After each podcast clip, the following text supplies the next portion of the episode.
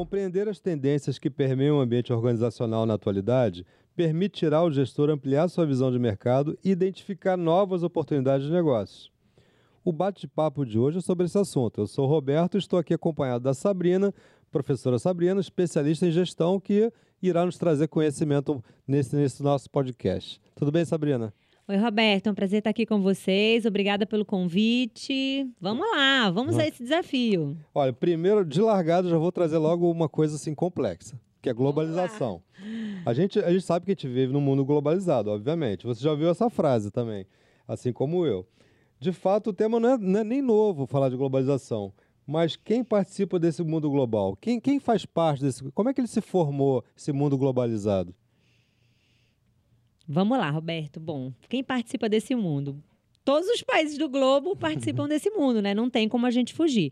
Agora, claro, né, que cada país ele vai interpretar isso e vai tornar isso, né, uma realidade dentro de, da maneira como ele se posiciona dentro desse mercado global. Então, a globalização ela acontece de maneira diferente dependendo do país, né, do olhar de quem tem. E o que é interessante é que a globalização também é um fenômeno, né, considerado positivo ou não. A gente já pode ah. até falar sobre isso, se você quiser. Claro. Né, levando em consideração o, os olhos, né? Enfim, o olhar de quem o vê.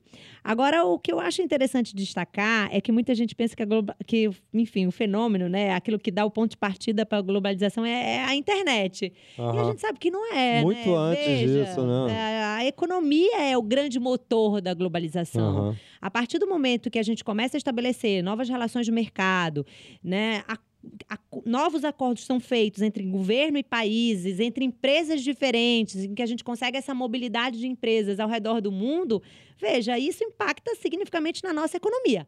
Claro. claro que a internet facilita esse processo. Sim, sim. Sem sim. dúvida nenhuma, tá? Mas aí, quando a gente pensa em globalização, é importante a gente relacionar isso com a economia do país em que a gente vive e dos outros países que estão, que fazem parte desse mundo global. Você viu a. Você conhece uma tem um, uma, um meme, né? Enfim, uma, ah. que circulou pela internet que fala que, sobre a morte da princesa Diana. Ah, né? sei, sei. Enfim, princesa com, de uma origem, com um namorado de outra, com ah. um carro né, de, feito em outro país. É isso. Uma né? foto dela tem toda a globalização ali, né? Exatamente. é muito interessante esse trechinho né, da, da, ah. desse, desse meme que circulou na internet.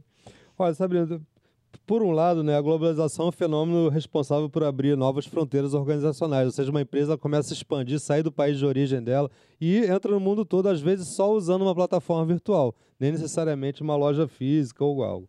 E isso, acontece, isso aqueceu a economia de muitos países, porque essas empresas estão dentro desses países e acabam gerando dividendos de recursos para o país.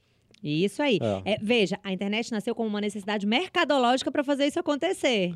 Exatamente. Entende o que eu estou falando? Uhum. É, foi um meio que a gente usou para é internet que criou, isso. É. O motor da globalização é a economia. Agora, sem dúvida nenhuma, a internet facilita que essas transações Ajudou. aconteçam, enfim, que essas trocas aconteçam e que a comunicação flua de uma maneira completamente diferente do que a gente tinha antigamente, tá? Às vezes uma pessoa, ela tem ela faz um artesanato, mas cria uma página na internet, daqui a pouco está vendendo para a Austrália e nem sabe, né? Está tá recebendo dinheiro, ela é uma empresa internacional Exatamente. e ela nem sabe. Exatamente. A internet é uma ferramenta que nos possibilita que essas transações econômicas elas possam acontecer, tá? Ah. Mas o propulsor, eu acho que é importante destacar que, é, que tem, tem total relação com as questões econômicas. Deixa eu entrar um pouco mais na teoria, então. Vamos, vamos lá, vamos lá. As empresas transacionais são o último estágio de um longo processo de internacionalização de uma empresa, da economia, desculpa que teve seu início no fenômeno da globalização no final do século XX. Elas surgiram, essas empresas, para atender algumas demandas. Que demandas são essas? Bom, eu acho que é importante a gente entender qual é o desafio da gestão nesse momento, né? É, quando você gerencia uma empresa dentro desse, ambi desse ambiente global que ora vivemos, é importante que você acompanhe de perto essa evolução tá? Uhum. O que está acontecendo no mundo que eu faço parte, tá? E você precisa estabelecer canais de aproximação, enfim, com consumidores, você precisa firmar parcerias estratégicas com outras empresas, você precisa procurar encontrar de que forma você pode gerenciar os seus custos com essas novas possibilidades, né, de transação que uhum. a globalização permitiu principalmente em setores emergentes, tá? Então, quando a gente analisa para todo esse cenário, veja, eu posso encontrar mão de obra mais barata no exterior, Uhum. eu posso controlar mercados que vão facilitar as minhas exportações, é, fontes de fornecimento de matéria-prima, eu posso ampliar toda essa minha capacidade. É verdade. Veja, a minha capacidade de inovar, ela, ela mudou completamente, porque agora você, a partir do momento que você abre o mercado, né? A gente costuma dizer que você tem países, né, que são chamados de zonas luminosas e outros de zonas escuras, né? Aham. Por quê? São países onde, a, enfim, a inovação acontece, você tem muito investimento em conhecimento e isso favorece, né, que ali seja um, um polo, né, um polo de inovação. Então, tudo isso é para atender uma demanda da realidade que a gente vive hoje, do mercado que a gente vive hoje. Ah, que legal. Eu escutei, Sabrina, que muita gente critica que talvez a globalização esteja acabando com a cultura dos países. Deixa eu, deixa eu te dar um exemplo. Ó. Tá. Hoje, você pega um jovem nos Estados Unidos e um jovem no Brasil, eles podem ter o mesmo, a mesma marca de tênis, é, eles podem ouvir a mesma música, o mesmo programa de televisão, o mesmo reality show, o mesmo programa de culinária, enfim. Tem gente que diz que o fenômeno da globalização resulta numa homogeneização cultural. É isso mesmo? Veja, tudo na vida tem dois lados, né? Acho que é importante a gente né, estabelecer aqui um ponto positivo e, enfim, colocar o que a gente entende que precisa ser repensado, ser visto e questionado. É, nós não tínhamos acesso, né?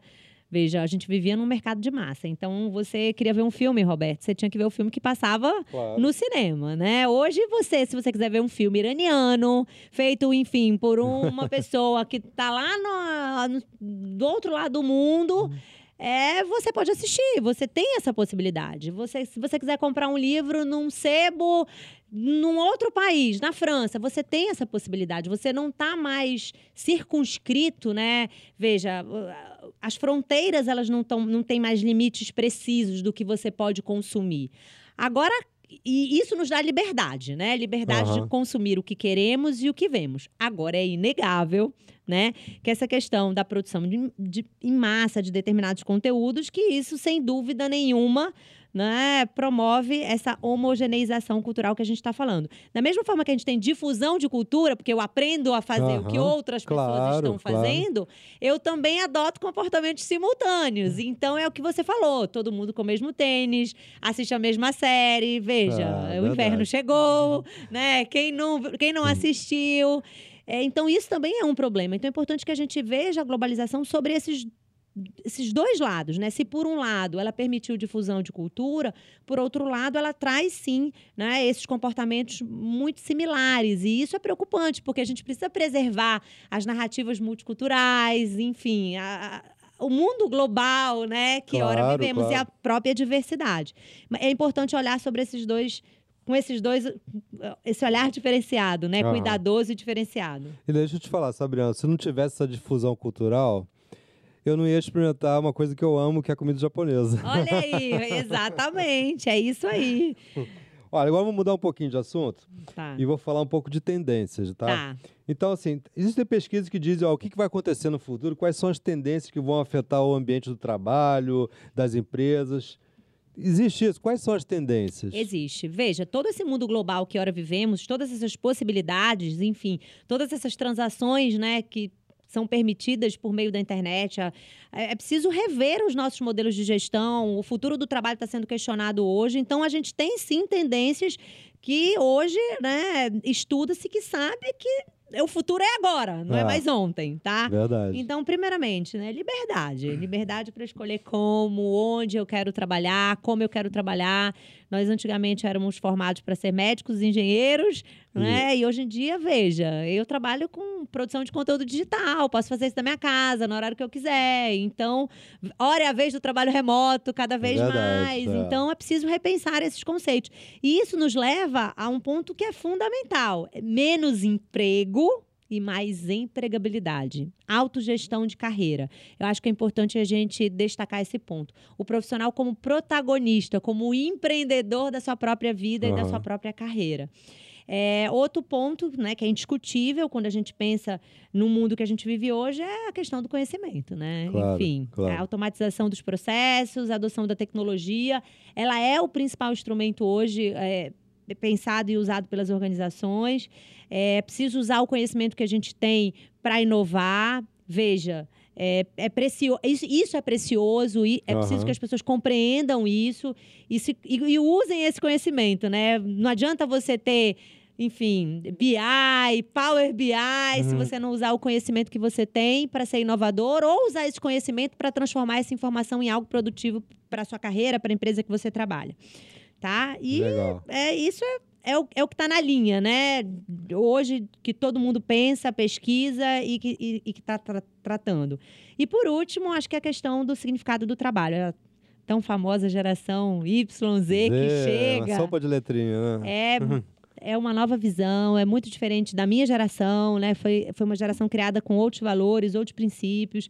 É uma geração que quer aliar o trabalho e o prazer, que quer trabalhar naquilo que gosta, que faz, quer encontrar significado e propósito no seu trabalho. Então, se você gerencia um time assim, cuidado, né? Porque é. são pessoas com características muito diferentes, tá? Sabrina, deixa eu falar o seguinte, eu vou fazer o seguinte, eu vou falar uma frase e você vai me dizer se você concorda ou não concorda, tá? Vamos tá? lá. A frase é: agora é o momento de colaborar em vez de competir. É isso. É né? verdade? É isso, Roberto. Eu acho que organizações que se relacionam com outras organizações, cada vez mais a gente está vendo empresas concorrentes firmando parcerias, é, estabelecendo canal de comunicação. Veja, o mundo digital hoje. Você conversa com uma pessoa de 18 anos, ela vai te dizer que ela aprende muito mais, né? Com ah. outras pessoas, enfim, ela, ela aprende de outra maneira, as empresas estão fazendo negócios com uma outra visão. É muito importante que a gente entre no mundo da colaboração. É, o conhecimento não é meu, ele é nosso. A partir do momento que eu não compartilho, veja, eu, te, eu tenho uma responsabilidade social com isso, entendeu? Claro. O conhecimento existe para ser compartilhado. E tudo aquilo que a gente faz de bom, a gente precisa ensinar para outras empresas. Principalmente para os nossos fornecedores. Porque não adianta nada você crescer e os seus fornecedores não crescerem com você. Já pensou sobre isso? É verdade, imagina. Eu dependo dele para crescer. Você depende deles. É, você depende aí. deles, né? Isso aí, verdade. Olha, vamos falar agora, vamos mudar um pouquinho de, o conceito, vamos falar de sustentabilidade. Vamos então, lá. Para quem está nos ouvindo, fique claro. Então, deixa eu só pegar aqui do dicionário. O que, que o dicionário diz de sustentabilidade? Ele diz assim: olha, é uma qualidade ou propriedade do que é sustentável, do que é necessária conservação da vida.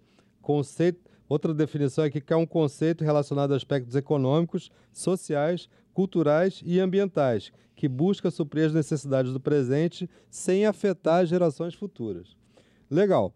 Já sabemos que é sustentabilidade. Sustentabilidade tem dimensões diferentes? É, quando a gente pensa no conceito de sustentabilidade, infelizmente o senso comum tem uma visão equivocada. As pessoas acreditam que a sustentabilidade é pensar só dentro de uma postura, né, enfim, da empresa adotar uma política é, levando em consideração a questão ambiental. É. E não é isso, tá? A sustentabilidade ela tem dimensões. O teu negócio ele precisa ser econômico viável, né?